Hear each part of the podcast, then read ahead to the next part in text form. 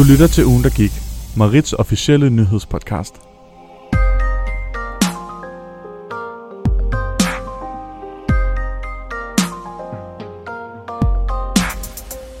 Hej, og velkommen tilbage til endnu en episode af ugen, der gik. Det er ved at være et stykke tid siden, jeg har hørt fra os, og det er jo bare skønt at være tilbage igen. Jeg hedder Kristoffer, og jeg sidder som altid her i studiet med min kære kollega og medvært Cecilie. Hej. Og Cecilie, vi er jo ikke alene i dag, Det er vi ikke. heldigvis.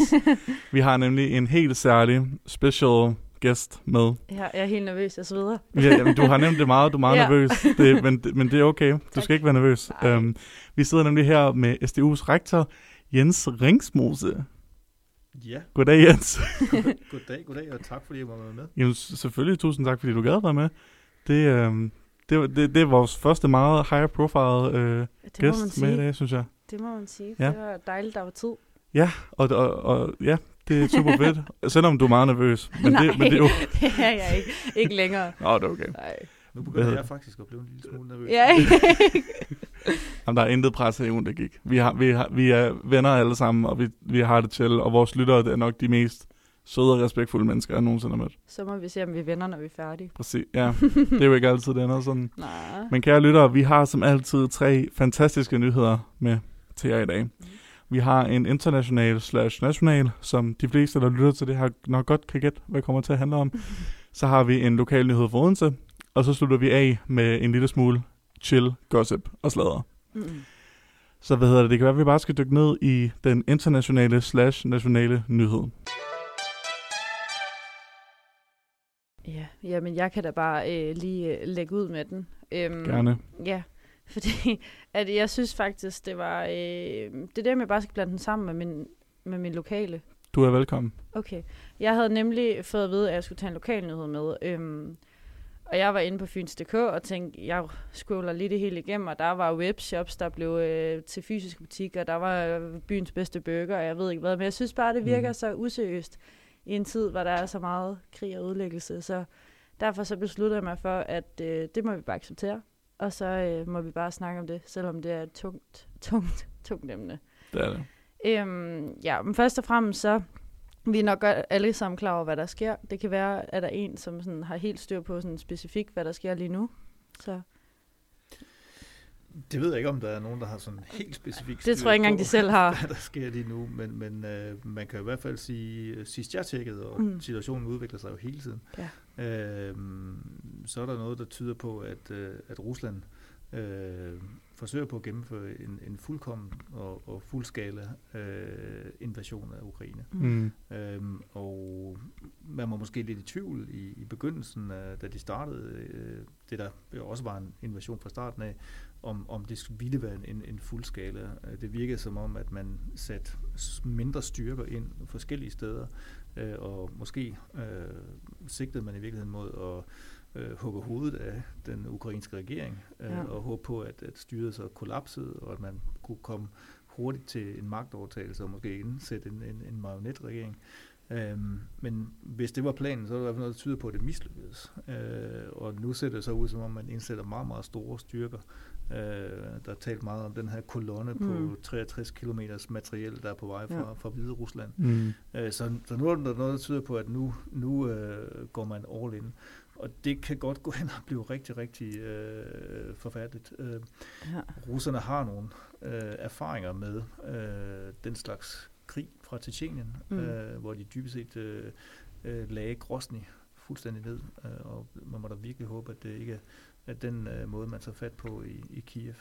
Ja, for sådan. Altså, jeg kan mærke, altså, jeg tror, at jeg snakker for rigtig mange unge, når jeg siger, at det var virkelig ikke her, jeg sådan regnede med, at den skulle gå hen, når man ligesom startede med at se de her Mm. øhm, små invasioner, der startede med at være i Ukraine, fordi jeg kan huske, at tilbage, da jeg gik i sådan 9. klasse, som er ved at være godt på år siden, så synes jeg allerede der, der kan jeg huske, at der stod jeg op klokken halv syv om morgenen, det er længe siden nu, um, og så godmorgen Danmark, og der var der, så var der, jeg kan huske, der var en periode, hvor der var sådan konstante opdateringer med Ukraine-Rusland-konflikter. og jeg var bare, altså, i 9. klasse, så jeg tænkte bare, åh oh, nej, men så var der på et tidspunkt, hvor at de sagde, at det enten var, jeg kan ikke huske, om det var blevet løst, eller om det var blevet så lidt faret under tæppet, eller hvad det var. Men så tror jeg bare, at lille naive mig tænkte, nå okay, puha, så det var det. Øh, så er vi good to go igen. Ja. Så jeg, det er bare så mærkeligt for mig at tænke på, at vi er ved noget, der sådan reelt ligner altså sådan en krigssituation nu igen. Fordi fra mit lille beskyttede øh, danske synspunkt, så er det bare det, der er så langt fra min virkelighed som overhovedet muligt. Og jeg ved godt, at der har været krig rundt omkring i verden, altså op til det her. Men jeg tror bare, at som en europæer især, så rammer det ja. ekstra tæt nu. Um, Mm. Jeg kunne godt tænke mig at tage måske en lidt anden vinkel på det, fordi vi kan alle sammen læse, hvad der sker øh, lige for tiden. Men jeg kom til at snakke med en tidligere dag omkring, at for eksempel så så jeg, øhm, at de var blevet sure over, at i øh, børne-MGP, der havde de snakket meget om TikTok. Og det skulle man lade være med, fordi på TikTok kan man komme til at se alle de her krig- og ødelæggelsesvideoer. Mm. mm-hmm. Og en anden ting, jeg også så i dag, det var, at Kim Kardashian, hvis alle ved, hvem det er, Mhm. godt, øh, hun havde lagt en uh, giveaway op, om at man kunne vinde en øh, luksushotelophold, og man kunne vinde øh, private jet og Gucci og Prada, og jeg ved ikke hvad, øh, hvis man bare lige gik ind og fulgte de her mennesker. Hvor mange skrev, øh, synes du selv, det er i orden i den her tid? Hvad med lige at give de her penge til Ukraine, der har brug for dem? Og jeg kunne godt tænke mig at høre, hvad I tænker om, at, at lige meget hvad man gør lige for tiden, så, så kan vi ikke rigtig tillade os det. Altså, det er noget, jeg har tænkt over lige siden, at, at internettet begynder at tage fat i det her. Fordi jeg har været så træt af at se det her på min Instagram og på min Twitter og på min Facebook og alt det her. Der er så mange influencers, jeg ser, der, så har de en historie. Jeg så for eksempel Kylie Jenner, Mm. som er Kim Kardashians lille søster, hvis der er nogen, der ikke vidste det. Der, der lagde sådan en, en, en historie op på Instagram, der sagde, øh, mit hjerte går ud til Ukraine, og dets beboere, ej, det, det er bare virkelig ikke okay, og hvad sker der lige? Og så storyen efter, at sådan, min nye lipgloss er kommet ud, og den er på tilbud, så køb den, og bla bla. Altså, og ikke noget sådan for at støtte Ukraine, så sender jeg penge til Ukraine. Bare sådan marketing. Ja. Og jeg synes bare, det er så usmageligt, og det tager mig bare tilbage til, da Black Lives Matter-protesterne begyndte at stige op, hvor alle, det var som om, at alle bare lige skulle dele en sort firkant, og så var de sådan, åh, oh, puha, så er det overstået nu. Altså, Mm.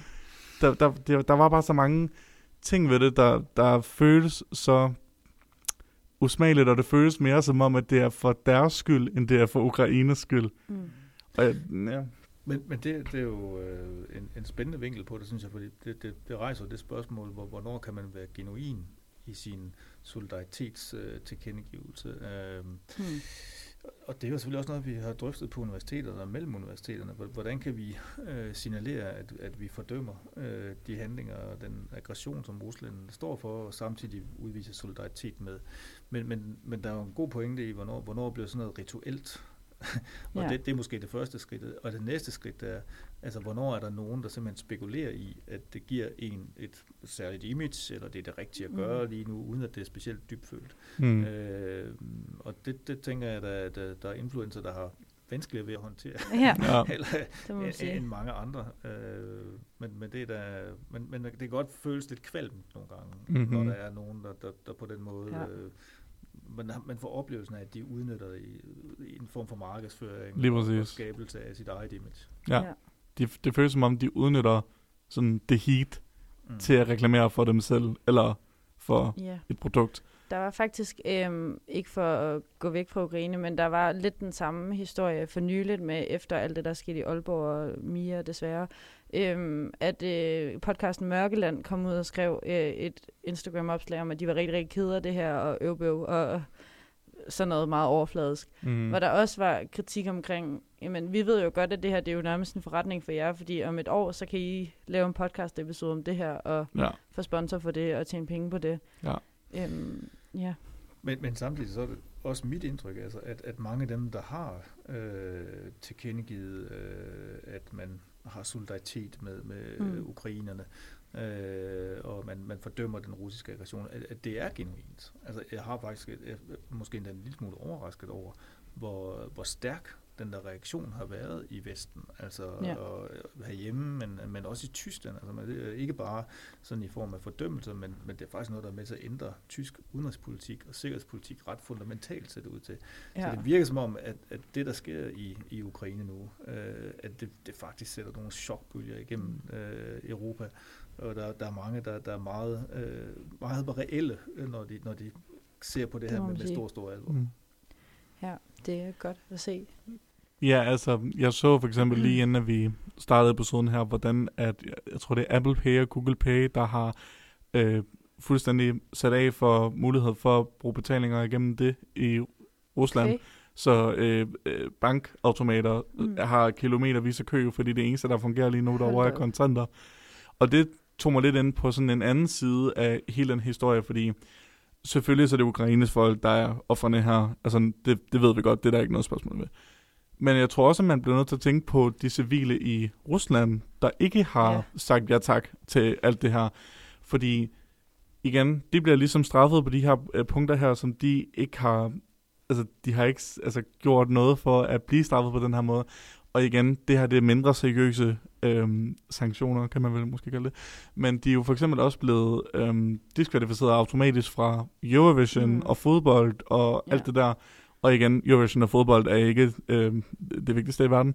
Men det er jo stadigvæk sådan, øh, altså er, er det retfærdigt, at, at Ruslands civile skal blive behandlet sådan, fordi at deres Ja. tyran agerer, som man kan gøre? Ja, det er svært. Så Altså, jeg, jeg synes jo, det, det, er, det er et virkelig svært spørgsmål, og øh, man kan jo også se, at det er noget, som regeringsleder tumler med. Mm. Øh, Biden var ude forleden øh, og tale om, at man skulle sondre mellem øh, styret i Moskva og så det russiske folk. Ja. Mm. Øh, man kan også se, hvordan øh, den ukrainske regering appellerer til det, til det russiske folk og rejser mod Putin og så Mm. videre. Øh, så, man, så man prøver på at, at lave den her sondring, men samtidig må man jo også sige, øh, at sanktionerne rammer den almindelige russer. Mm. Forhåbentlig også oligarkerne, og forhåbentlig også Putin, men rammer Ja. også den. Men, men det er måske også en del af, af strategien, altså Mhm. at man skal skabe så meget misnøje i den russiske befolkning, at de på et eller andet tidspunkt rejser sig imod øh, styret. Om, om man får held til det, det, det kan man måske være lidt tvivlende overfor, men, men, men jeg tror, det er det, der er Ja. en, af, en af grundlogikkerne bag. Og så skal man også være klar over, at når man indfører sanktioner, så rammer det ikke kun russerne, men det rammer faktisk også os selv. Altså, ja. øh, når jeg skal forklare mine børn, hvordan sanktioner virker, så plejer jeg at sige dem, øh, til dem, altså, jamen, øh, det, det, altså, det, det har næsten altid en slagside mod sig selv, så det svarer sådan lidt til at sige, hvis I ikke opfører ordentligt, så får jeg ikke noget fredagsflæk. Nej. Problemet er, at jeg er også rigtig glad for fredagsflæk, Mhm.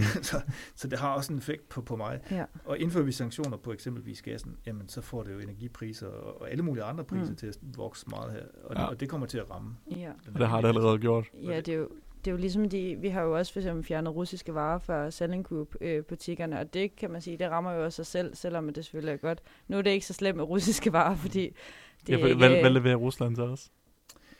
vodka, blandt andet. Mm. Vi må vi er nødt til at købe iransk kaviar nu. Ja. Ja. Så, Oh, Så med. is it worth it? ja.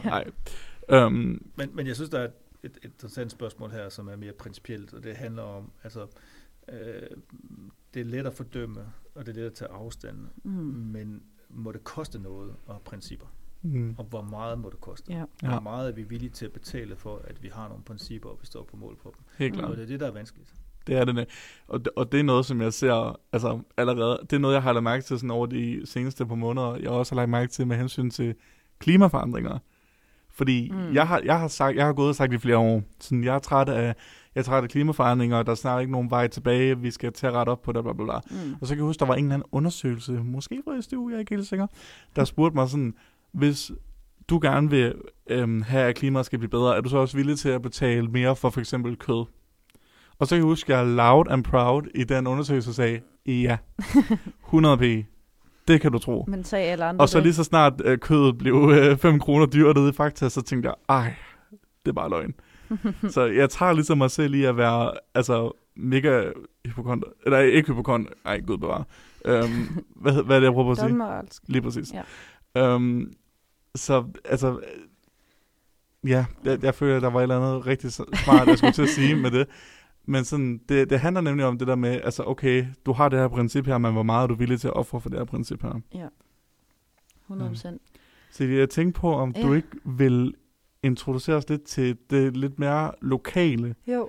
på den her nyhed, fordi jeg har allerede set en del sådan handlinger øh, foregået, altså taget her i Odense, øh, der Jo. kan have en positiv effekt på det Jamen, det, folk. det kan du tro. Jeg, øh, I forbindelse med, at jeg skulle finde den lokale nyhed, så var jeg inde og se, øh, hvilket gjorde rigtig meget glad, at der er rigtig mange, som øhm, støtter med, at man kan komme ud og donere noget tøj og mad og hvad ved jeg. Ja. Øh, og derfor beslutter jeg mig for, at jeg også vil gøre det samme. Så jeg skal i morgen øhm, ud til en adresse på øh, i Odense. Man kan gå ind og læse det. Det står allerøverst på fyns.dk. Øhm, hvor man kan do- donere. De har lavet sådan en hel liste over ting, øh, de mangler i Ukraine. Mm. Og så kan man donere alt det, man vil. Øhm, så jeg samler bare en pose med alt det, jeg lige har derhjemme. Noget varmt tøj, man ikke bruger mere. Nogle støvler, man måske ikke selv har behov for længere. Det har de nok mere. Øhm, og så noget af det, som jeg også, som mig som kvinde, mm. Mm. går meget op i, det er, at jeg vil give en hel masse spænd. Fordi det synes Ja. jeg er helt forfærdeligt. Altså, det er sådan en hygiejne-ting. Det er altså, det undervurderer man. 100 Selvom- procent, 100 procent. det er altså forfærdeligt, at de skal leve uden det. Øhm, og jeg, jeg kommer også til at tænke på sådan noget som mad. Altså, det virker... Det, det virker en lille smule overfladisk at tage en pakke myslibar og tage med dem derned øh, til fire, fire stykker my, myslibar til en hel befolkning, der, der mangler mad. Ikke? Jo, jo, men hvis tusindvis af mennesker giver Gør de det. der fire myslibarer, så gør det jo noget. Og altså, jeg tror virkelig ikke, at folk forstår, altså det er jo ikke fordi, at man skal ned og donere til en ferie. Altså Nej. man skal jo ned og donere til en krisesituation. Ja, og hvis du gælder. stod i den krisesituation, så tror jeg, du vil blive herreglad for en myslibar, hvis ikke du har spist i x antal dage. Altså, you know, altså, ja. det, alt betyder noget. Men, men for lige at bringe tilbage til det, Ja. vi talte om før, om øh, Kim Kardashian og Ja. en søster, som jeg ikke kan huske, hvad. Mm. Men, men, men Kylie. med Kylie, om, man gør det øh, for at, at opbygge et eller andet Ja. ja. renommé eller omdømme, så var der et fantastisk eksempel i TV-avisen forleden aften. Mm. hvor en fyr øh, for års, der hed Per, måske, han kaldte sig i hvert fald Per, Mm. havde taget sin bil og kørt til grænsen. Det så jeg, ja. Ja, og, og, så jeg også og, og ligesom hjulpet en, en ukrainsk mor Ja. og, og barn. Men det, der var så fantastisk, det var, at Per havde ønsket, at øh, hans efternavn ikke blev oplyst. Mm. Mm. Fordi han havde egentlig ikke brug for alt Nej. den fos og, og være kendt. Og det, der tænkte jeg, det, det var egentlig en ret fin indikation på, at her var en person, som gjorde det øh, Mm. genuint og for at hjælpe. Det, det, var, det var et dybfølt ønske om at hjælpe, og ikke for at få øh, goodwill eller status Nej. eller, eller likes eller et eller andet. Og, og det, der, det, var der, det synes jeg faktisk var lidt smukt. Ja. Helt klart, altså, og det er altså også virkelig noget af en bedrift, fordi altså, som, som en, der ikke engang gider at køre til grænsen, så synes jeg, det er helt vildt tanke om at køre hele vejen ned til Ukraines grænser. Altså, ja. det, det ved jeg ikke, altså, vil, vil I kunne gøre det? Hvis, Jamen, hvis du altså, havde en bil, og ikke var studerende. jeg tror også, det er det, der er sådan, det jeg gerne vil ud med den her nyhed, det var, at vi, sådan, vi kan alle sammen hjælpe på hver sin måde. Nu kunne han gøre det, det vil jeg nok ikke kunne. Nej. Jeg vil nok ikke selv kunne køre til Ukraine i en bil. Så det var også derfor, jeg vil sige med det, var, at jeg var sådan at kigge, hvad kan man så selv gøre? Altså, mm. hvad Mhm. kan jeg nu, når podcasten kom ud, og det her så lukket, fordi det var senest i morgen. Men så var jeg inde og kigge til lytterne, hvis de vil hjælpe. At man, ved Storms Bakhus, hvor jeg også arbejder, der stiller de en meget passende gul øh, container ud med blå himmel nedover forhåbentlig, og så er meget smukt. Øhm, og så kan man fra 11 til 16, mener jeg, kan man komme med alt det, man vil, og så bare smide det i. Alt, hvad man, og det synes jeg er fantastisk, fordi det er ikke sådan en, det er ikke sådan en, kom og donere, så kan I vinde eller. Det er bare sådan en, giv hvad du vil. Altså, Ja, det er ikke ja. sådan noget omtale og sådan, kom ind i pakhuset. Det står udenfor. Det er ikke noget med sådan, du skal ikke med alle madboderne, du skal lige købe et eller andet. Eller, det er sådan, det som, Så, Ja. og, og, og jeg synes, det er jo fantastisk, at du organiser, eller engagerer sig øh, i det, og, og, og stor anerkendelse og respekt for det. Jeg har et spørgsmål til jer. Mm. Øhm, nu kan man sige, nu, nu bliver der mobiliseret en meget, meget stor vilje til at vil hjælpe Ja. ukrainerne. Og det synes jeg er godt, og det er fantastisk, og det, det, Mm. det skal vi gøre, og det fortjener de. Øhm, men der er jo mange andre steder i verden, Ja. hvor der har været konflikter, der minder om, der er også nogen, der er Mm. værre Mhm. hvor vi ikke på samme måde Mhm. har samlet sammen Ja. og, og, og rykket sammen i bussen. Og mit spørgsmål til jer så, det er, øhm, er vi mere tilbøjelige til at vil, vil, øh, hjælpe ukrainerne, fordi det faktisk er tæt på, det er i Eu- Europa, de ligner os. Øh, det er gode kristne, mm. som nogen vil sige. Øhm, altså, og, og havde det nu været nordmændene, der var blevet udsat for den her invasion, havde vi så set, at der var endnu flere, der gerne ville hjælpe, for det er jo faktisk nærmest familie, det er jo venner. mm. Mhm. Øhm, men det bringer mig bare til at, at, at, at tænke over, og, og Mm. kunne egentlig godt tænke at spørge jer om, hvordan tænker I i forhold til dem, som vi er moralsk forpligtet i forhold Ja. til? Er vi mere moralsk forpligtet i forhold til svenskerne, og så ukrainerne, og så måske syrerne, og så måske kongoleserne, mm. eller, eller hvordan hænger det sammen for jer? Altså, hvis du spørger mig, fordi, og det har du lige gjort, Og, for jeg har en meget klar og tydelig holdning til det her, og det er 100% ja, der bliver forskelsbehandlet på Ukraine og eksempelvis Syrien. Og det er noget, der gør, fordi at jeg tror, at der er rigtig mange i Europa, eller over alle hele verden, alle sidder med en bias, med en lille klat racisme i sig, med en lille klat et eller andet fremmed, fremmed had slash familiær kærlighed. Mm. Så når de ser, som du siger, Ukraine, der er i Europa, ligger, altså, ligger i nærheden af os, øh, ligner et samfund, der minder lidt mere om vores, de ligner os lidt mere, så er det da 100 klart, at, at der er flere, der ser det som værende et, et reelt problem for de her reelle, sådan, det ved jeg ikke, altså, det lyder forfærdeligt at sige det, og jeg siger det med meget tydelige gåseøjne, som I ikke kan se, fordi I lytter til det, men sådan rigtige mennesker. Jeg tror, der er rigtig mange øh, danskere øh, med visse holdninger inden for politik, der kan se på Syriens folk, og ikke have samme øhm, engagement og, og, og følelsesmæssigt mm. kobling på deres problemer af forskellige årsager. Og så tror jeg netop, at Ukraines folk tiltaler dem lidt mere, øhm, om det så er hudfarve, religion, traditioner, normer, whatever. Mm. Det ved man ikke. Men det er jo måske også derfor, at vi måske har set så mange danskere, der har trådt til i frem for de andre verdenssituationer. Mm. Det er jo en, det er jo en mulighed. en anden mulighed kunne også være, at folk er blevet mega crazy af corona. Altså, who knows? Det kan være, at folk er blevet mega crazy af corona, og så efter al den her tid, så er det, tænker ved du, nu er det nu, jeg gerne vil gøre noget for at, at, at, at hjælpe nogen, fordi vi har allerede været alt det her igennem. Det kan være, at, at, at nu, nu, jeg vil ikke kunne mere, hvis det var mig. Så jeg har simpelthen brug for at så gøre noget for det her individer. Det er 100 p den første, men det kunne jo være. Hvad ja. synes du, Sille? Jamen, jeg tror, jeg vil adskille det fra hinanden, fordi jeg synes, der er forskel på, hvorfor at jeg engagerer mig så meget i det her, og hvorfor jeg tror, der generelt bliver engageret sig mere. For mig selv tror jeg, det handler noget om dækningen. At, sådan, at medierne dækker det sindssygt meget. Altså, det er jo, vi har jo breaking news lige nu på journalistik, så der vil jeg også gå rigtig meget op i det. At det står jo som gul bjælker, altså konstant ind på tv2.dk og DR.dk, så derfor så ser vi det også som en, en krisesituation for os. Mette Frederiksen har været ude og sige det som en krisesituation, og vi, sådan, vi ser det så meget, og som bare det i Odense, der er så mange, der engagerer sig i det, det gør også, at det bliver nemt for mig at engagere mig, fordi jeg kan cykle ud på en adresse og hjælpe. Det kan jeg ikke i andre krige, fordi der er ikke blevet mobiliseret det på samme måde. Hmm. Øhm, så det har været nemmere for mig at engagere mig i den her krig. Det er meget sjovt, at du, også du nævner det her med medierne, det dækker mm. meget mere. Der var en, øh, en øh, lederartikel i Politiken, ja. øh, forleden, hvor Christian Jensen faktisk lige præcis gjorde opmærksom på, at øh, det ville have klædt, øh, det var hans argument, det ville have klædt de borgerlige og have øh, draget lige så meget omsorg og, og organerne, eller irakerne, mm. eller syrerne osv.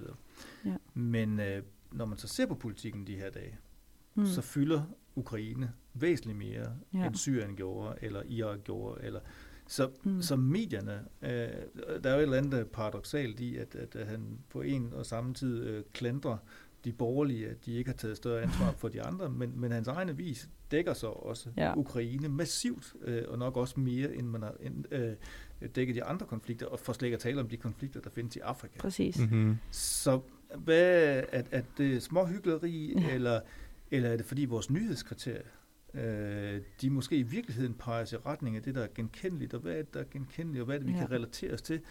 Det er måske dem, der minder mest om mig selv. Mm-hmm. Ja. Øhm, men, men, men bare en, en overvejelse. Præcis. Jeg ved ikke, hvad, hvad, I tænker om, ja, om den vinkel på det. det. Det er sjovt, fordi 100%. man kunne sagtens, sige, man kunne sagtens være det samme sige, ja lige præcis, altså det er mega hyggelig På den anden side, så, så ved man også bare, at en avis skal også trykke det, som de ved, danskerne gerne vil læse, hvis det er en dansk avis. Skal de det? Eller det, det føler jeg jo, at de føler. Altså jeg tænker jo, at det må være det, de men, føler. Altså. Men er de, bare, er de bare forretninger? Er det kun en bundlinje, eller har de også en anden opgave? Nu kommer man på, hvilken avis du læser. Jamen, altså ud, ud fra nyhedskriterierne, så skal det jo, altså blandt andet skal det være sensationelt, og det tror jeg, at Ukrainekrigen har været for os, fordi det blandt andet er så tæt på os, øhm, og som du selv siger, de minder om os som land.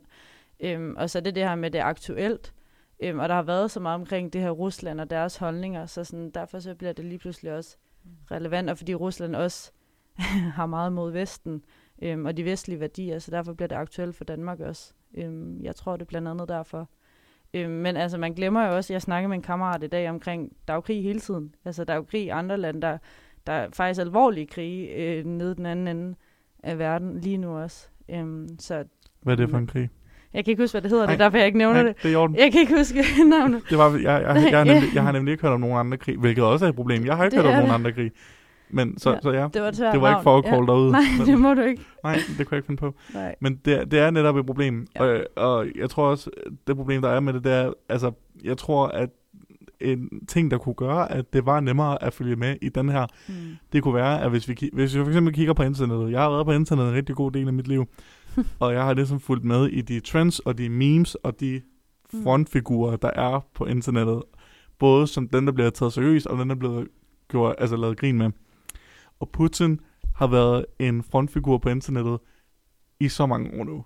Altså hele Trump-perioden har han været, fordi der var alle de der memes med, at de i virkeligheden var det ved jeg ikke, kærester eller eller andet, og, Gode venner. og, og gode venner arbejdede sammen og redde på heste sammen, altså, og sådan noget. Jeg tænker, det kunne måske, grunden til, at der også er flere, der engagerer sig, kunne det ikke også have noget at gøre med, at, at når jeg tænker sådan, for eksempel Syrien, eller når jeg tænker sådan, alle de her krige i Mellemøsten, hvor man hører om sådan Taliban og bla bla bla, Ja. så for, det eneste, jeg kan forestille mig, det er sådan en gruppe af en, altså individer, som øh, med mit lille, ærlige øje, jeg vil nok ikke vil kunne kende så meget forskel fra, fra andre dernede, altså med, med, bortset fra deres påklædning, ikke? Men jeg vil ikke som almindelig dansker kunne se forskel på en taliban og en civil, hvis de bare begge to stod i en sort t-shirt og et sort par bukser. Mm. Hvorimod, at man ligesom kan se Putin som den her meget tydelige, alt efter hvilken holdning du har til grin, altså tydelige skurk. Altså han er jo nærmest sådan den her store, perfekte filmskurk, Mm. med sådan, Mm. han har den meget tydelige, altså tydelige udseende, folk kan genkende ham, han har, altså der, der er tusindvis af billeder af ham på internettet, hvor han rider på hest uden trøje på. Altså folk har ligesom billedet af ham. Saddam Hussein havde jo også en forholdsvis let genkendelig... Øh, øh. Og det er før min tid. øh, okay, så ung. Okay, Christ. Okay. 22. øh, Taliban, øh, Ja. Mullah, Ja. Mullah Omar havde også en let genkendelig kontrafej, skulle jeg sige. Øh, Men det, det er også... jeg ikke, men, det- men, men, men, men jeg, jeg var i Moskva i, øh, i oktober. Okay. Øh, Det er ikke lang tid siden. det er ikke langt Nej. siden.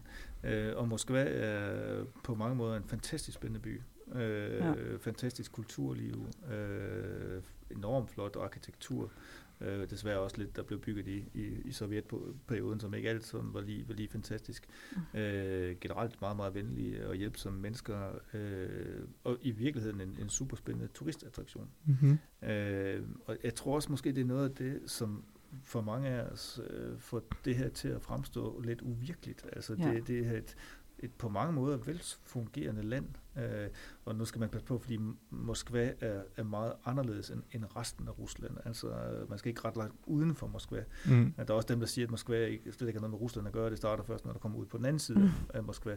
Men, men, men den der idé om, at et velordnet land, som på mange måder er vestligt orienteret, Mm. øh, forbrugsvaner, skulle jeg hilse at sige, er vestligt orienteret. Mm. Øh, men, men at sådan et land øh, går i krig med et andet vestligt orienteret land, altså det, det er jo på mange måder uvirkeligt. Altså, Mm. Og det er to stater, som øh, altså Ukraine, der er 45 millioner indbyggere.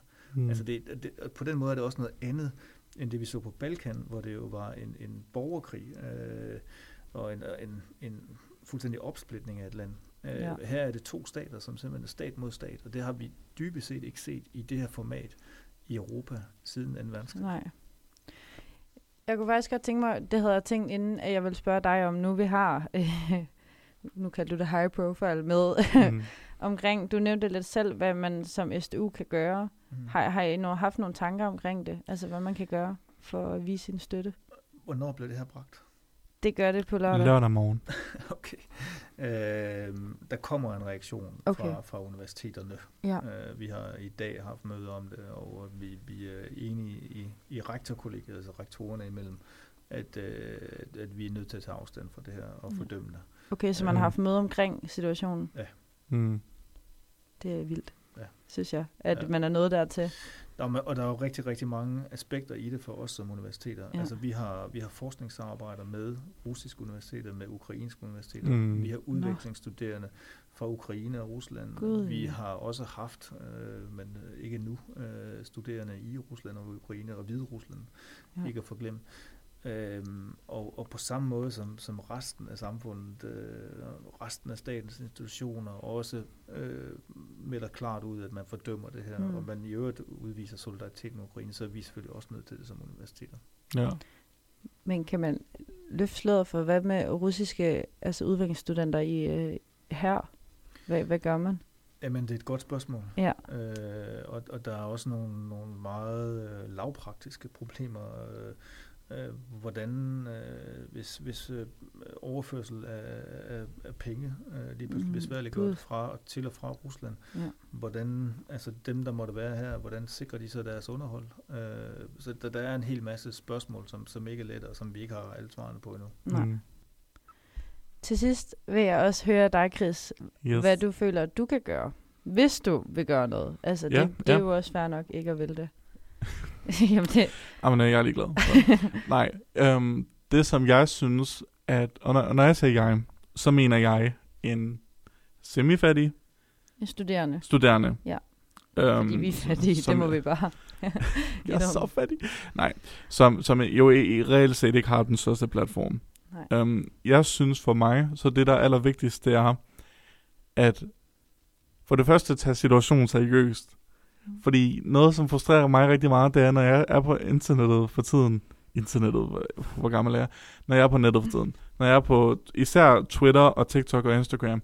Jeg ser i mine øjne alt for mange memes og jokes om 3. verdenskrig. Og jeg ved ikke, om det er bare mig. Jeg synes ikke, det er sjovt. Jeg synes ikke, det er, jeg, synes, jeg, jeg ser så mange memes om sådan øh, mig, mig i Ukraine, når russerne kommer, og så er det altså, et eller andet skørt billede eller sådan noget. Mm. Og jeg har det bare sådan, jeg synes, at vi måske burde tage situationen lidt mere seriøst Det er som soon. unge mennesker. Det er soon, og jeg synes, det er usmageligt. Der er ikke noget sjovt i at blive invaderet, så- altså at blive tvunget, ud af sit land. Jeg så lige en video her på Facebook med en dreng, der var blevet hentet, en dreng og en mor, der var blevet hentet Ja, af puha. en, en eller anden i en bil. Jeg ved ikke, om det var, om det var Peter, eller hvem det var. En eller anden i en bil, som snakkede om, at jamen, øh, vi blev nødt til at lade far blive i, ja. i Kiev, og øh, vi gik i flere dage, og nu er jeg bare glad for, at vi sidder i en bil, og du reddede os, og, for jeg troede, jeg skulle til at gå i sådan tre dage streg, og bla bla bla. Mm. Og, man kunne, altså, og, og han, snak, altså, han er jo et barn, men han snakker så seriøst, og stille, og præcist, og Mm. altså, han, han lyder som en voksen, der bliver interviewet. Ja. Og jeg synes bare, at det tydeligvis altså, viser, hvil- hvilken effekt at krig har på Og alvoren. Ja. alvor, altså har på helt almindelige mennesker. Og jeg, og jeg synes, at det er totalt uselt, at man kan tillade sig som, ja, som, som, som ung menneske at sidde på sin tablet med, med sin uh, cheeseburger i hånden og en cola i den anden og være sådan, Haha. altså, Ja. jeg synes, det er så, usmageligt. Så jeg vil helt klart starte med at sige, tag det seriøst. Prøv at read the room.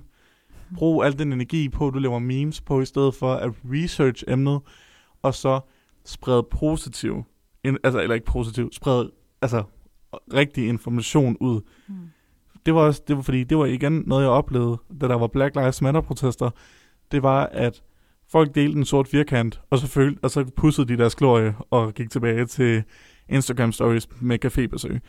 Hvor at de i stedet for, jeg har det sådan, hvorfor bruger du ikke din tid og din, altså, kan du, har, du ikke, har du ikke lysten til at finde ud af, hvordan du hjælper dem her? For jeg kan godt forstå, hvordan du som dansker, en lille bitte dansker i Odense, nok ikke tænker, okay, jeg kan ikke tage til Kiev, eller jeg kan ikke tage til Amerika og fix krig eller racisme.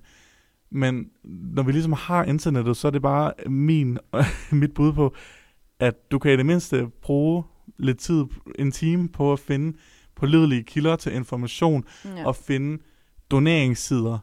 Altså, der, ja, hvis du googler lidt, og man skal passe på, fordi der er også øh, meget misinformation på nettet, og forkerte doneringssider.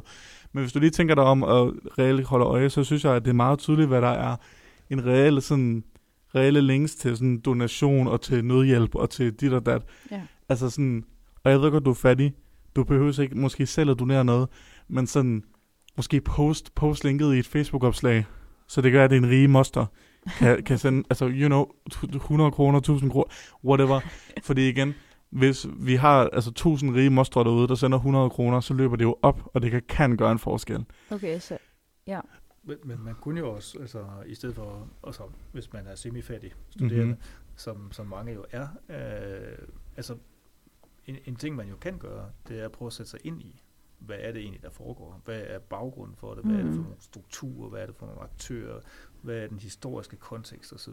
Mm-hmm. Altså alene det at prøve på at sætte sig grundigt ind i, hvad det er, det handler om, mm. øh, det, det, det synes jeg måske godt, man kalder det stille bidrag. Mm-hmm. Øh, at det så kan ja. stå ved siden af, at man donerer tøj, hvilket jeg synes er, er fantastisk, eller penge, eller hvad nu man mm. vil gøre. Men, men jeg synes måske også, at vi skylder at, at gå et spadestik dybere end den der flygtige, flygtige, nu swiper vi til det næste billede, og så er det mm-hmm. cafébesøg eller et eller andet. Og det er måske der, hvor, Breaking hvor, news. hvor vores mediebillede i dag øh, er blevet en lille smule amputeret. Det er jo ikke altid, at man har en team til rådighed i en podcast, hvor man virkelig kan gå i dybden, eller Nej. at man får læst den avis altså nu, nu kan jeg godt komme til at fremstå meget, meget, meget gammel. Mm. men, men da jeg var barn, mm. der sad vi i 1930 og stod tv ja. Og så sagde rapporteren, det var, hvad vi havde valgt at bringe i dag. Mm. Men sagen var, at det gjorde alle de andre også. Så vi havde en fælles referenceramme. En fælles nyhedsreferenceramme. Øh, og med al respekt, øh, så var det faktisk også et, et nyhedsbillede, eller tv-avisen, og de der mere autoritative produkter, de gav faktisk et virkelig godt indblik i nogle sager. Altså, jeg vil våge at påstå, at der måske... Ej, nu skal jeg være bare sådan. Det, det tør jeg ikke sige. Ej, jeg, det, det er for langt at sige, at, at, at generelt var, øh, var folk bedre informeret. Det tror jeg faktisk er gået for langt. Jeg tror måske, der det... kommer en større spredning. Ja. Altså, fordi dem, der, dem, ja. der gerne vil have meget information, de har fået muligheden nu, fordi mm. der er mm. alle mulige platforme. Ja. Øh, men, men dem, der ikke søger det på samme måde, de er måske dem, der swiper lynhurtigt hen, og aldrig Helt for, for, ja. for 1930-nyhederne. Ja. Og det, det, det er jo et af de issues, der er kommet med internettet. Det er, at, at jeg tror, der er rigtig mange, der læser den første Facebook-artikel eller det første Facebook-opslag, og så tager de nyheder for, hvad de er, og så siger, okay, nu ved jeg alt om, hvad der sker i Ukraine lige nu. Mm. Så jeg synes faktisk, det er en udmærket pointe, som ikke nogen af os havde tænkt på, at altså undersøge, hvorfor der sker det, der sker. Fordi jeg tror også, at det er også en måde at tage situationen mere seriøst på, hvis du ved, altså for det første, hvor længe at det har stået på, hvordan optakten til den her konflikt er sket, og hvorfor ting er, som de er. Ja. Fordi... Følg med. Følg med. Det altså, er budskabet. Ja, helt klart følg med. Altså, bra, du, du kan lige så godt, altså, ja. Jeg gør søg det. noget højere. Søg en højere, altså, viden omkring ting. Det er bare generelt, en, det, nu siger jeg det også sådan, lidt, det lød, kom til at lyde lidt arrogant, men det er bare generelt godt lige sådan hver morgen lige gå igennem, hvad sker der? Det er altså, mm-hmm. det giver meget en lang bane, når man lige ved, at man har fulgt med den sidste uges tid, at man ikke bare en dag går ind og læser breaking news. Uh, nu er der sket det, at Rusland invaderet, og så læser man ikke mere. Altså, det er godt lige at holde sig opdateret. Helt klart. Og altså selvfølgelig, så er det også med på, at, at man kan ikke altid holde sig opdateret. Altså, det er jo fair nok, at man ikke kan det. Men jeg vil dog sige, at tager ikke lang tid at tjekke sin TV2-app hver morgen. Nej, nej, nej, overhovedet ikke. Og, det, altså, det. det, er jo ikke for, det er jo ikke fordi, at hver eneste dag, så kommer der en 10 siders artikel ud med, med, med ny information, vel? Altså, der er nej. ofte sådan 10 linjers opdatering per dag, ikke? Så hvis du ligesom tager det sammen og sætter dig ned og får lavet de der 10 linjer hver... Lavet de der 10 linjer. Læs de der 10 linjer hver dag, så ender du ud for, med et ret sådan forstående billede af, hvad der er sket til sidst. Og det, det tænker jeg kunne klæde rigtig mange øhm, ja. en god del. Jeg tænker, at øh, det var nok snak om øh, Ukraine. Nu kan jeg ikke mere af den snak. Men jeg ved, at du har taget en omgang sladder med. Det, vi slutter jo mm. altid med en omgang sladder, og det var egentlig noget, vi fandt på, fordi at det kan godt blive lidt tungt at snakke om nyheder. Øhm, så det er meget godt lige sådan opløftende, mm. ligesom de gør i nyhederne. Altid lige kommer sådan en solskinshistorie til sidst. Mm. Ja. Har cool. du det med til os? Det har jeg i hvert fald. Yes, jamen øh, jeg har taget noget sladder med. Og, til, og, sjovt nok. og så vil jeg jo gerne starte med at høre jer begge to. Ser I Melodi Grand Prix? Nej. Oh. oh. Ikke rigtigt. Jeg gør. Ja. Kører det i øjeblikket? Eller? Det er her på lørdag. Nå, okay. Øhm, lørdag den 5. marts, så er der Dansk Melodi Grand Prix 2022. Øhm, og det er super vigtigt øhm, for Danmark som nation, at uh, gå lidt mere op i Melodi Grand Prix, synes jeg. øhm, fordi at... Det hørte du godt. Det, det var rettet mod dig, ja. Nej. For, fordi Dansk Melodi Grand Prix, det er, for det første så er det kørt super længe. Det er jo, det er jo, det er jo øh, øh, forretten til Eurovision 2022, som er, hvis nogen ikke ved, hvad det er, det er Europas lande og Australien, der øh, samles i den her store øh, performance-konkurrence. Og det er en rigtig... Performance-konkurrence. Det er det. Det er ikke kun en sangkonkurrence, det er en performance-konkurrence, frøken. um, hvor hver land ligesom har sendt en sang videre øh, til de her semifinaler, hvor det så bliver performet. De stemmer så om, hvem der ryger videre til finalen, og så bliver der fundet en vinder. Mm. Og det er øhm, faktisk lidt på... Nu skal jeg virkelig passe på, hvad jeg siger, for jeg skal ikke få det til at lyde som om, at det er en måde at forstå hinanden midt i en krigssituation på. Mm-hmm. Men jeg føler faktisk, det er en måde ligesom at connecte lidt øhm, med Europas folk, hvis jeg skal være helt ærlig. Fordi når jeg ser sådan Eurovision, mm. så kan jeg godt personligt have det lidt sådan, okay, wow, det her det er faktisk, altså alle de forskellige lande i Europa, og vi er faktisk ikke så forskellige, som man måske skulle tro, fordi i hvert fald da jeg var yngre og så på Europa, så tænkte jeg, okay, Danmark, vi er en karikatur af vikinger mm. og folk, der spiser pålæg på råbrød og sådan noget. Og så tænkte jeg, Spanien, okay, de danser alle sammen, altså tango i store kjoler og... Spiser spaghetti. Lige, Italien, men ja, lige præcis. Og så, og så, og så videre, og så videre. Mm. Så jeg tror virkelig, at, at Eurovision især lige nu er en måde ligesom at se på, okay, vi er alle sammen almindelige mennesker, og vi har alle sammen noget at byde med til ja. især sådan kreative Ja, fordi udover, altså Eurovision er næsten det eneste, vi har udover sportslige begivenheder, som er samler øh, europæiske lande. Præcis. Det synes jeg er fedt. Ja, man kunne måske tilføje øh, EU som en ting, der samler de europæiske lande. Ja, ja. men, men lad os lige se på kreative. Nej, hvorfor det?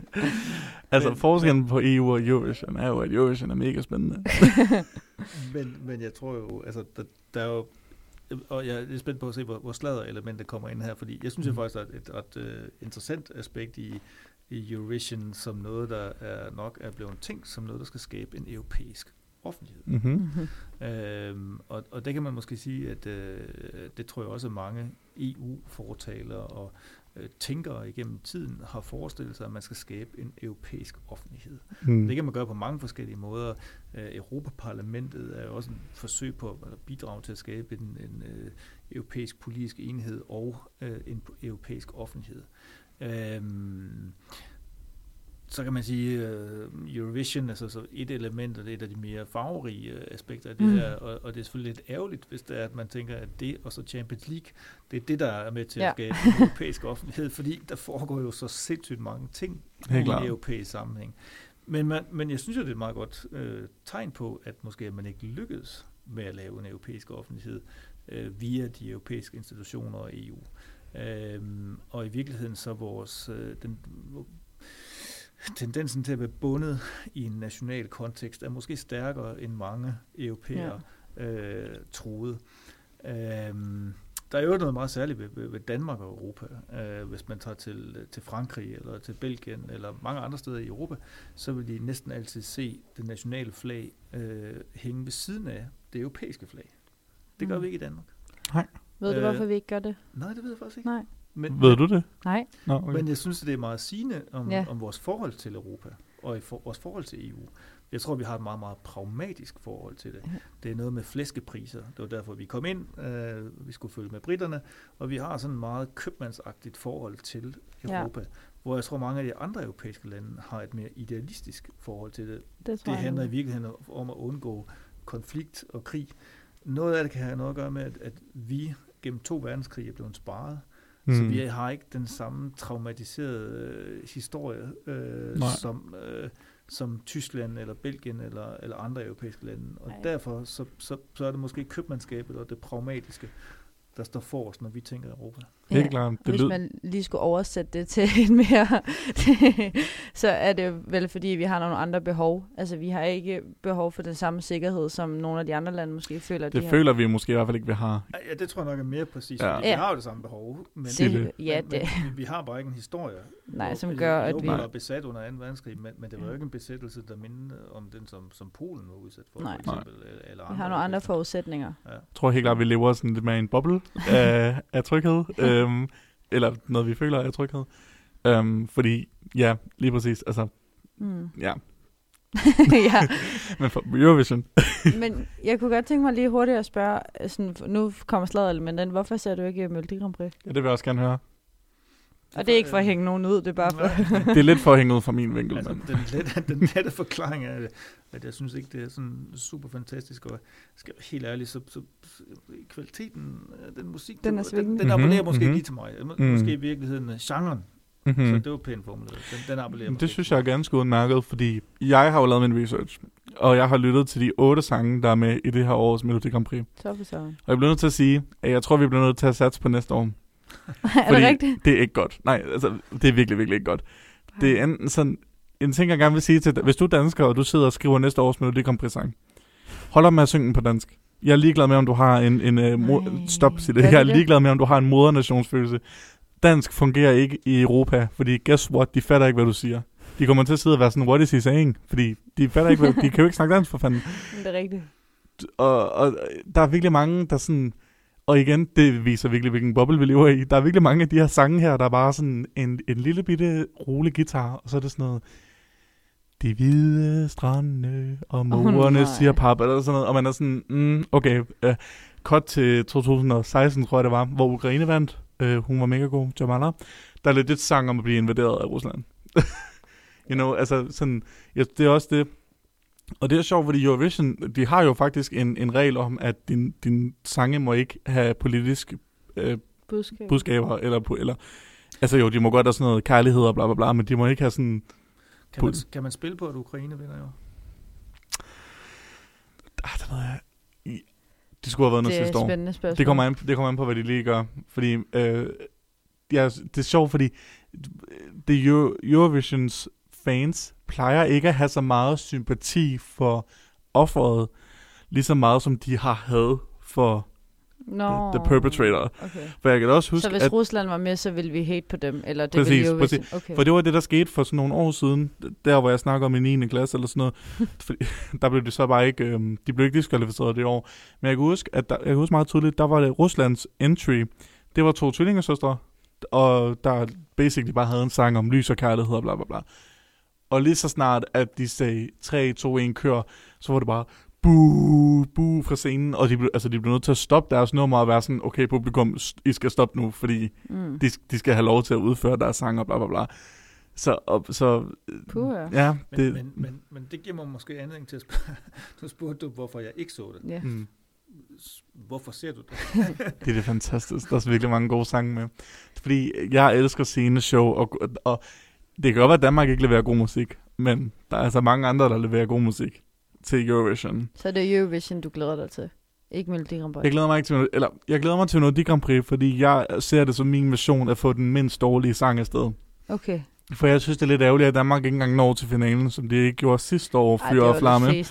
Ja. Det var nemlig fæsent. um, så min mission er bare få sang nummer et. Så hvis du lytter til det her lørdag morgen, så kan du stadigvæk nå at stemme på sang nummer et i aften. Ej, Chris. Jo, Sille, den hedder Halleluja, og den er mindst dårlige sang. Jeg siger ikke, den er god, men den er mindst dårlig. Der er seriøst en sang med, der bare hedder sådan ra- rave med de fede fyre eller sådan noget. Nej. Og det er basically bare Tove-pigen i, med, med nye lyrics. Et, nej, Nej. det er sådan noget øh, dårlig klubmusik L- på vulgært. dansk. Okay. Vulgært med vulgære ord. Ja. Og bandeord. Um, Steffen Brandt og TV2 er ikke med i år. nej, desværre. Det, det, Det- kunne, have, det kunne have ændret min, min holdning til. Jamen, det, det, er jo- det er jo desværre ikke. Det plejede jo faktisk at være sådan kendte mennesker, der var med i Mm. Dansk Melodi Grand Prix. Ja. Men nu er det blevet til sådan... Per for als. Altså, det, det, det, Eller jeg har også hørt det tidligere børne MGP-stjerner, som nu er med i voksen Melodi Grand Prix. ja, det er, det, er, det er også en tendens, man ser, men det klarer det aldrig. Nej. De skulle nok bare stoppet med Melodi Grand Prix. Men vil det sige, at når TV2, de, en- hvis de engang kommer med, så ser du det? Så er der. Det lover jeg. Det Okay. synes jeg... Altså, øh, brødrene Olsen vandt jo Eurovision. Det ved jeg ikke, om du ved. det, der er du ikke.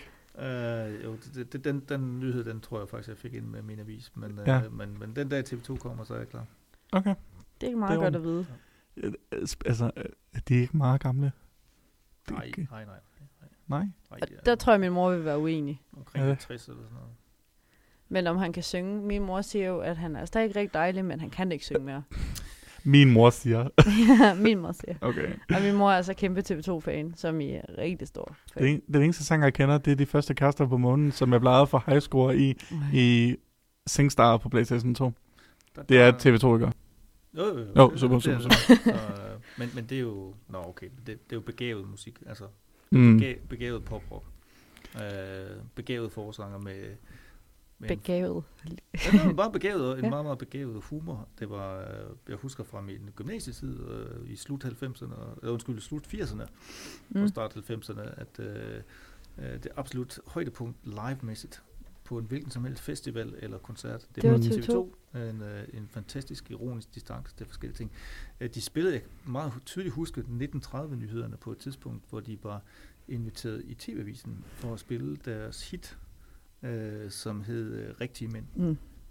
som jo øh, er en ironisk kommentar øh, til rigtige mænd. Mm. Øh, det blev ikke opfattet som sådan. Der, Nej. var, der var nogen, der tog det lidt for bogstaveligt. Det er der altid. Det er der Ja. ja. altid, men, men de spillede simpelthen i tv-visen, og det står stadigvæk fuldstændig krystalklart for mig, hvordan Steffen Brandt stod og Ja. indtog scenen inde i tv-visen. Er det... Det er jo ikke for sent. Altså, det kan jo sagtens... Altså, Ja, ja, vi ved jo altså, ikke, om, om de altså, slår igennem næste år til, til Melodi Grand Prix. Så ved jeg i hvert fald, at min mor ser med. så der er i hvert fald to seere det år. Hallo, Nå, det er, altså mere, det er altså mere populært, end, du, end, end I prøver at maile det til at være. Det er altså et godt program. Eller, jeg vil ikke sige, det er et godt program, men det er udmærket, og det fører videre til Eurovision. Om jeg sagde jo tidligere i dag, at jeg øh, var ved at droppe en fødselsdag for at kunne se Melodi Grand Prix i weekenden. Det synes jeg, det er værd. Hvem har brug for en svigerfar alligevel? ja, det var det. Nej. Hvad hedder det? Um, så sladerdelen af det, for at vende tilbage til det. Mm. Det var faktisk, jeg vil faktisk lige hurtigt høre jer ad. Og når jeg siger sladder, så mener det meget overfladisk. Mm. Synes I, at Rusland fortjener at blive diskvalificeret? Fordi jeg kan ikke lade være med at være sådan... Jeg må indrømme, en lille bitte sådan bitter del af mig er sådan, hahaha, og synes, det er ret sådan, dramatisk på en god måde. Men hvad synes I? Jeg tror jo, at jeg synes, at, øh, at vi på alle mulige måder, alle mulige måder, skal signalere, at, øh, at vi tager afstand fra det, der sker. Mm. Og, og det her, det er jo i hvert fald i den milde elle- ende af sanktionsskalaen, Ja. kan man sige. Altså, jeg tror nok, øh, altså, at, at lukke for gassen, det, det er vist i den anden ende. Mm. Øh, så, så, så det er der er absolut i den, i den relativt symbolske og milde ende. Ja, Men jeg okay. synes, det er vigtigt, at vi øh, som vestlige samfund tydeligt markerer på alle tænkelige måder, at det tager vi afstand fra. Så jeg synes, øh, jeg synes det er betimeligt og på sin plads. Nice. Ja. Sille? Jamen, det, jeg er meget enig. Også fordi jeg synes, at det, det giver et meget øh, blandet signal, hvis vi begynder at udelukke dem, udelukke dem fra nogle ting, for eksempel fodbold, øh, men, men ikke fra Eurovision. Altså, det giver sådan et lidt useriøst symbol. Så jeg synes, at hvis vi skal gøre det, som vi gør, så synes jeg, det er godt, at vi går det over hele linjen, øh, mm. for altså, at symbolisere det. Ja. Ja. Jamen altså, Mette Frederiksen, hun sagde jo også, at det skulle have konsekvenser for Rusland, så det var nok sådan noget, eller det her, hun mente. Ej, jeg håber, Men, hun går lidt øhm, mere hårdt til værks end uh, Eurovision. finder vi lige ud af. Men på den note, Ja. så kunne det være, at vi lige så stille skulle begynde, til, øh, begynde at runde af. Ja. Fordi nu, jeg, jeg føler ikke, at jeg kan sige Rusland meget mere. Øhm, eller Ukraine. Men øhm, jeg synes i hvert fald, at øh, lyttere, der har lyttet til det her, burde, hvis de ikke har gjort det her endnu, læse lidt op Mm. på, hvad der sker. Budskabet. Øhm, se, hvad du personligt kan gøre. Hvis ikke, at du kan gøre særlig meget, så er en minimal handling stadig bedre end ingen handling. Og øhm, ja, prøv at, at se det større billede og prøv at gøre dig klogere på situationen. Det tror jeg må være det mindste, man kan gøre for at skabe en bedre forståelse af begge Yep. sider. Men også at deltage i en informeret demokratisk debat om, hvad der så skal ske, og hvad man skal foretage sig. Mm. Mm, helt klart. Det er budskabet. Det er budskabet. Jamen, øh, så vil jeg bare gerne sige tusind tak til dig, Jens, fordi du gad at være med. Tak fordi jeg måtte komme. Til, øh, altid. Det, det, du kommer bare. Og tak til Sille. Jo, øh, selv tak. Tak, Sille. Og tak til dig Ja, selvfølgelig. det var det, jeg ventede på. Mange ja, tak. det ved jeg, du gjorde. Og så vil jeg gerne sige mange tak til lytterne, der gad at lytte med. Det har været en hæsblæsende første episode øh, efter pausen. Øh, så vi glæder os til at bringe jer spændende nyheder hver Mm. uge igen. Og så ses vi bare i næste uge, og så må I have en rigtig god weekend. Hej hej. Hej hej. Du har lyttet til Ugen, der gik. En podcast produceret af Merit, SDU Studentermedie. Følg os inde på vores Facebook- og Instagram-side under navnet Merit Studentermedie. Tak fordi du lytter med. Vi ses næste gang.